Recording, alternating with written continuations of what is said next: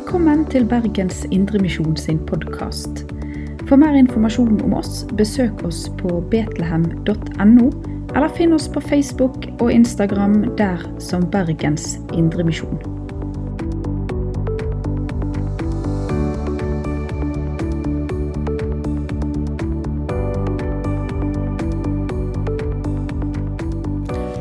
Det er så utrolig eh, kjekt og eh, spennende å være her i dag. Betlehem, Bergens Indremisjon, har jo eh, Det er jo liksom historisk sus over det. Sant? Det var her NLM ble startet. Det var her Indre Sjø ble startet i sin tid. Det var her Bergens Indremisjons emissærskole ble startet, som senere ble Bibelskolen. Gjennom miljøet så ble KrF startet, og Dagen, avisen Dagen kom opp fra dette. sant? Så det er liksom av den biten. Så har du da min reise i Betlehem da jeg var 13, og min, min mor hun rotet sammen med andre mødre til andre kristne gutter på Askøy og fikk oss inn på YA eh, på fredagene. Jeg har brukt utallige timer inn på det rommet og her inne. Sittet og kjedet meg på møter. Eh, eh, brukt masse energi på å prøve å få meg dame. Men så har jeg prøvd å ha sagt til noen av studentene på bibelskolen at du må liksom si noe. Du må ikke bare henge rundt. Så dette lyktes ikke meg noe særlig, men det lyktes meg liksom utenfor Betlehem, så det gikk bra. Det er jeg glad for. Og fått ledererfaring. Eh, hadde min første vitnesbyrd på leir med YA da jeg var 18 eh, år. etter å ha sittet veldig stille og rolig helt fram til det. Så Masse gode minner. og Fint å være her. Tenk tilbake på ledertrioen Herastveit, Punsnes og Ludvigsen som var på YA første tiden. Sant? Det er masse, masse gode, minner. stor betydning for meg. Kom tilbake med familien. To av barna våre ble døpt her, og nå er jeg med og liksom viser fram bibelskolestudentene. Når jeg var på deres alder, så tenkte jeg liksom at du måtte liksom, enkelte sammenhenger så tenkte du bare å komme inn og være ung og si noe fint om Jesus, og så var det kjempebra. Nå er jeg helt der sjøl, liksom. Unge kristne mennesker som synger, vitner om Jesus. Det er fantastisk. Vi er glad for å være her i dag. Jeg skal ta oss og lese dagens tekst sammen, og så skal jeg dele noe ut ifra den. Eh, fra Johannes 11, og eh, fra vers 45 og til 53. Mange av jødene som var kommet til Maria og hadde sett det Jesus gjorde, kom til tro på ham. Men noen gikk til fariseeren og fortalte hva han hadde gjort. Da kalte overpresten og fariseerne sammen rådet, og de sa, Hva skal vi gjøre? Dette mennesket gjør mange tegn. Lar vi ham holde på slik, vil snart alle tro på ham. Så kommer romerne og tar både det hellige stedet og folket vårt. En av dem, Kaifas, som var øverste prest det året, sa da, Dere skjønner ingenting. Dere tenker ikke på at det er bedre for dere at ett menneske dør for folket, enn at hele folket går til grunne. Dette sa han ikke av seg selv, men fordi han var øverste prest det året, talte han profetisk om at Jesus skulle dø for folket. Ja, han skulle ikke bare dø for folket, han skulle også samle til ett de Guds barn som er spredt omkring. Fra denne dagen la de planer om å drepe ham. Slik lyder Herrens ord. Jeg vet ikke om du noen gang har vært uh, ufrivillig komisk. Altså du vet liksom Når du merker at folk rundt deg begynner å le, og så vet du ikke helt hvorfor, så liksom begynner du å tenke liksom, jeg ser noe rart. Uh, har liksom, Er smekken åpen? Er skjorten åpen? Har jeg melkebart? Liksom? Altså, hva er det som gjør at liksom, bare, jeg skjønner ingenting? Folk rundt meg ler, men jeg skjønner ingenting. Å være ufrivillig komisk det kan jo både være gøy hvis du takler det på den måten, og være litt sånn ubehagelig eh, hvis det, det skjer. Du har kanskje vært det, men har noen gang vært ufrivillig profetisk? Altså Der du har sagt noe, og så var det liksom egentlig budskapet fra Gud som han ville tale gjennom deg. Kanskje vi opplevde noen ganger at liksom vi sa noe som fikk det større betydning enn det var. Men å være ufrivillig profetisk det er kanskje litt mer uvanlig. Men det er, er noe av det som skjer i dagens tekst. Det er en Kaifas da, som er ufrivillig profetisk. Han sier noe ut fra en setting, og så bruker Gud det budskapet til å åpenbare sin frelsesplan. Sammenhengen i denne teksten er at i Johannes 11 så har Lasarus blitt vekket opp fra de døde ved Jesu ord. Og mange som var hos Maria og Martha og Lasarus og så dette, de kom til tro på Jesus pga. dette.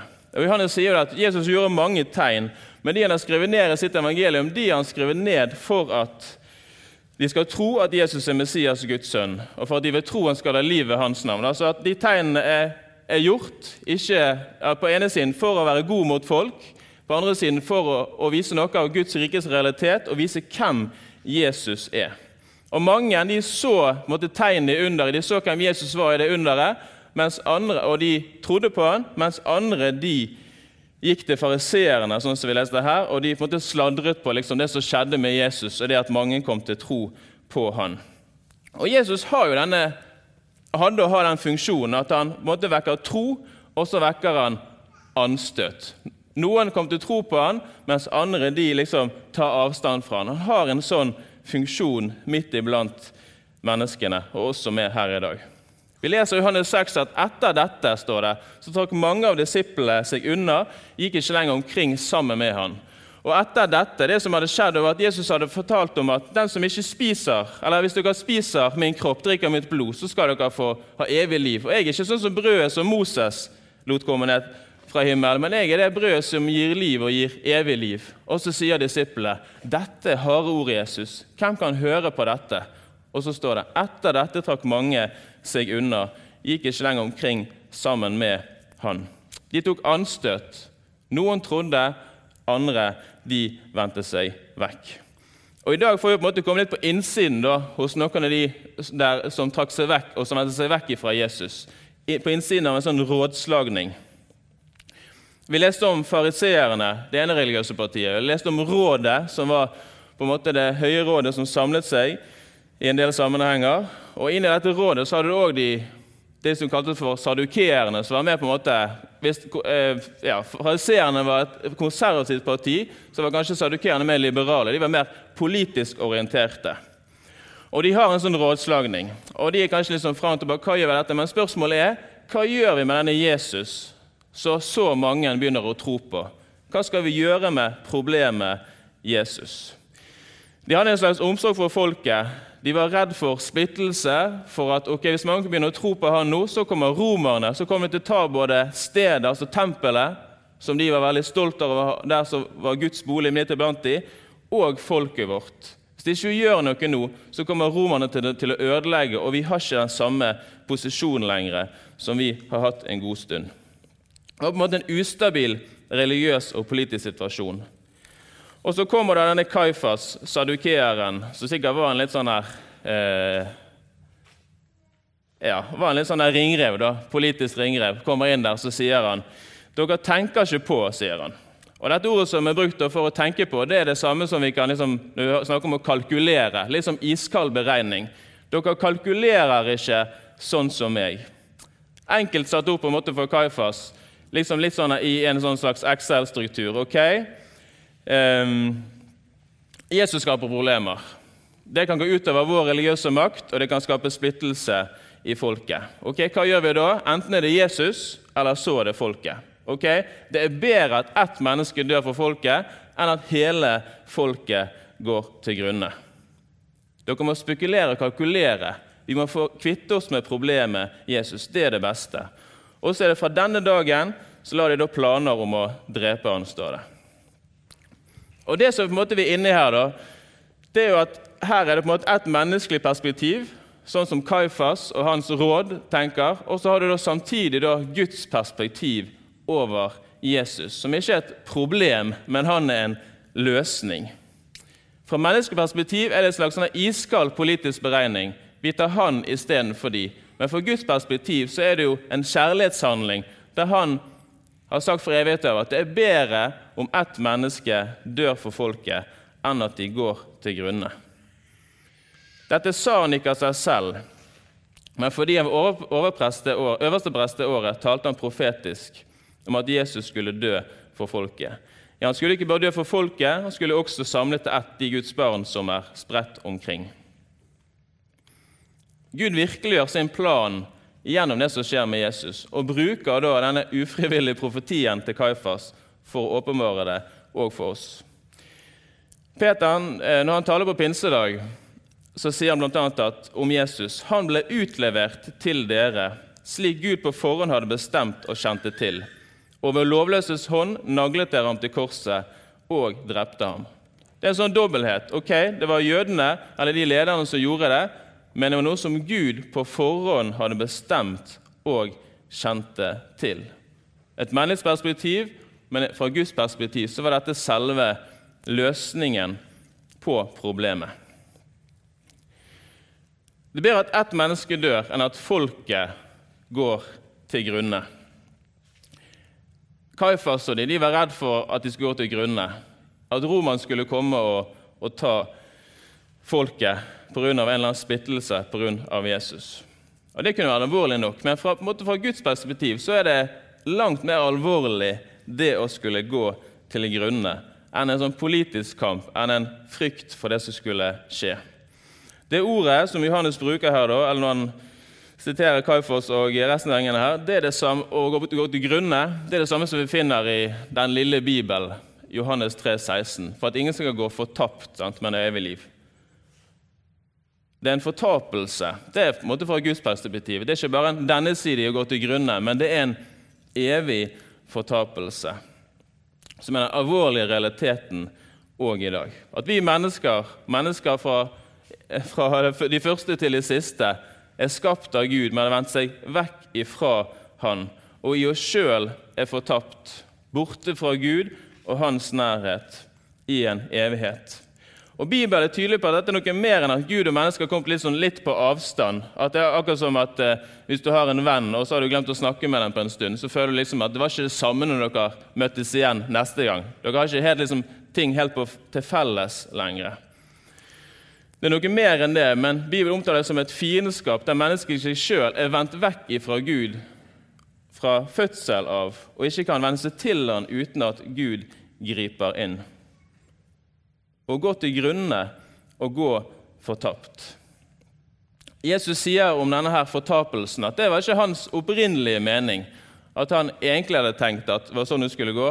Den er beredt for djevel og hans engler, sier han. Og Gud sier i Esekiel 18 at det er ikke min vilje at den urettferdige skal dø, sier Herren Gud.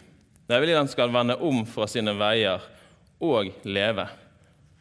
Det er noe som handler om å gå til grunne og gå fortapt. Men så er det Guds perspektiv at han sier at det er bedre at ett menneske dør for folket, enn at de går fortapt. Kaifas tenkte at han hadde kommet opp med en god idé. Han hadde spekulert, han hadde kalkulert. Han tenkte det er han, eller så er det oss. Så vi går for han. Men i dette så åpenbarte han noe av Guds plan, som han hadde lekt ut til menneskene opp gjennom hele historien. Sånn som Solfrid sa. Hun syntes det var kult at vi kunne se Jesus gjennom hele Bibelen. Sånn har Gud eh, veldig fornøyd med å bli tatt fram i talen her, ser jeg. Det er de rundt, i hvert fall. Eh, og Gud har lekt ut dette budskapet opp gjennom hele historien. Fra syndefallets dag, når han så Adam og Eva, og de sto naken og de hadde kledd seg i egne gjerninger, og han tydeligvis lot et dyr dø, kledde de opp i klær av skinn. Noen måtte dø for at de skulle bli oppkledd. Gjennom ordnet til offertjenesten, der de stadig måtte ofre, og særlig én dag i året når de måtte ofre én bukk ta blod inn i, i tabernakelet, og den andre bukken skulle gå ut med synd utenfor eh, leiren og bære bort syndene til folket, ordne opp og rense dem en gang i året. Gjennom å la Moses løfte opp kobberslangen, sånn at alle som var bitt av slangene, kunne se på den slangen, og så fikk de leve.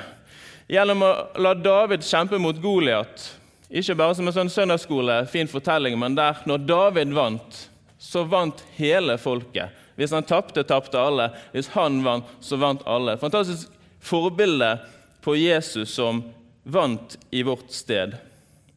Gjennom å la profetene vitne om at han skulle komme og gi sitt liv som en tjener.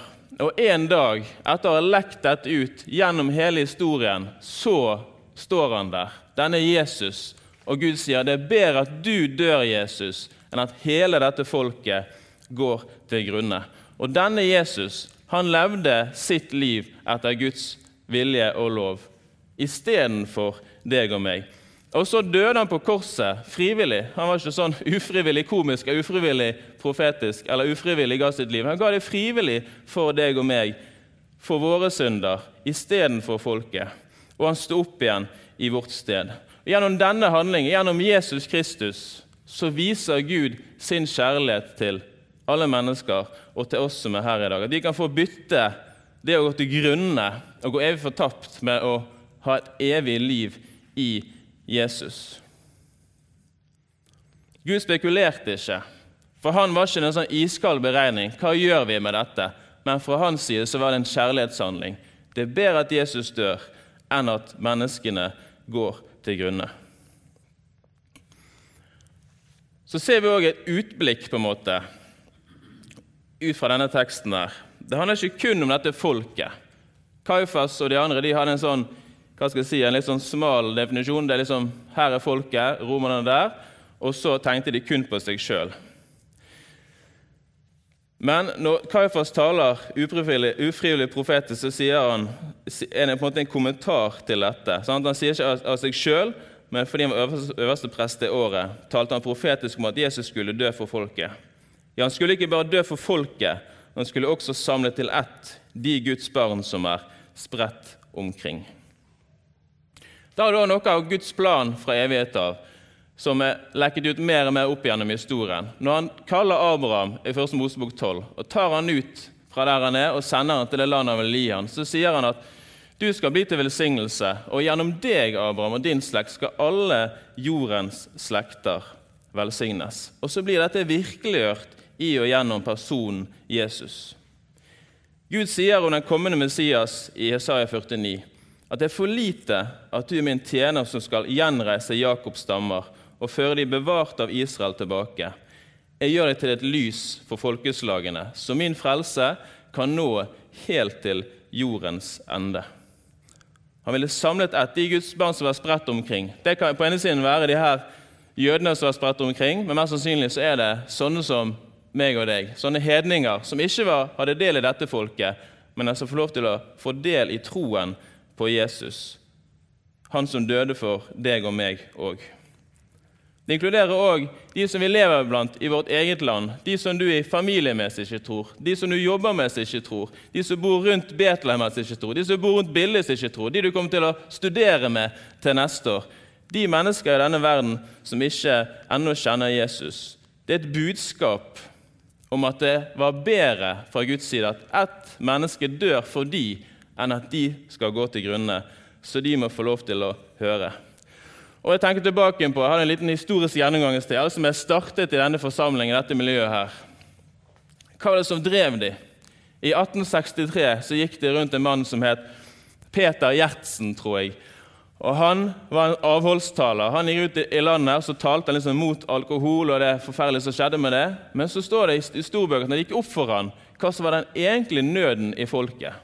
Det var at de ikke kjente Jesus. Og Så samlet han en gjeng og så startet de Bergens Indremisjon. Det var nøden som drev han. Disse kvinnene, da, som mange av studentene vokste opp NLM, har hørt om det mange år før kanskje, denne gruppen som var samlet eh, i måte Bergens Indremisjonsmiljø, som var på møte med Sigvart Gjerde, som talte om Kinas millioner som døde hvert år uten å kjenne Jesus. Og de tenkte hva kan vi gjøre med dette? Jo, vi starter Norsk Luthers Kinamisjonsforbund, som i dag heter Misjonssambandet. Men det var det som drev dem. Det var nøden. De må få høre Jesus har dødd òg for de. Og de som hørte om fiskerne i Nord-Norge, og det kom noen til Bergen og spurte kanskje dere sender en predikant til Nord-Norge, så de kan få lov til å høre om Jesus. Og så står det de ba om en predikant, men de fikk en hel organisasjon, nemlig Indre Sjø. Og de som startet da emissærskolen ut fra Bergens Indremisjon, som senere ble Bibelskolen, de hadde en tanke. Vi trenger å utruste unge mennesker og voksne mennesker som også her inne, til misjonstjeneste i vårt eget land. For de går til grunne uten Jesus, og de trenger å få høre om han, og vi trenger mennesker som er villige, som er utrustet til å gjøre det. Og så kan vi sitte her fra bibelskolen, dere fra Betlehem, så kan vi på en måte tenke tilbake på Wow! Tenk at alt det skjedde, alt det de fikk gjort. Men i, i dag så er det faktisk vår etappe. Jeg prøver av og til å si til studentene at det er noe liksom deres tur som skal være med her. sant? Men det er oss alle. Vi er med på dette her store oppdraget. Jesus ga sitt liv for alle. Og Vi må la Guds hjerte få prege våre hjerter òg i dag, så vi kan være med på denne her misjonen og samle til ett de Guds barn som er spredt omkring. De mennesker som ennå ikke tror på Jesus, de trenger å få høre om Han. Jesus vekker tro, anstøt. Budskapet det provoserer. Vi snakker en del om krenking i dagens samfunn, så kan vi liksom le litt av det og diskutere rundt det, sant? men dette er liksom noe mer enn det. Det er sånn skikkelig sånn, Folk tok skikkelig avstand fra det. Han provoserer ordentlig. Han setter på en måte et skille, og han splitter òg i dag. Hva var det de ble så provosert av, mange av de? Det var at de var syndere, at Jesus sa det. Og så sa Jesus at dere trenger en frelser. Og den frelseren er meg, altså ikke meg, men, men Jesus. Og så Nei, dette kan ikke vi høre. Dette her er harde ord. Vi har lyst til å være med på det sjøl. Han sa det. Dere blir frelst av nåde. Det er ingenting dere kan gjøre for å frelse dere sjøl. Dere trenger å tro på meg, Jesus, som er sendt ifra himmelen. Så ble de provosert. Og Jeg har tenkt litt på før dette møtet at det er jo et provoserende budskap. dette her. Og Kanskje er du altså er litt provosert for dette. Dette er nådebudskapet. Det at eneste veien til Gud er gjennom Jesus. Det kan jo være mulig å sitte i Betlehem i 2023 og kjenne litt på det.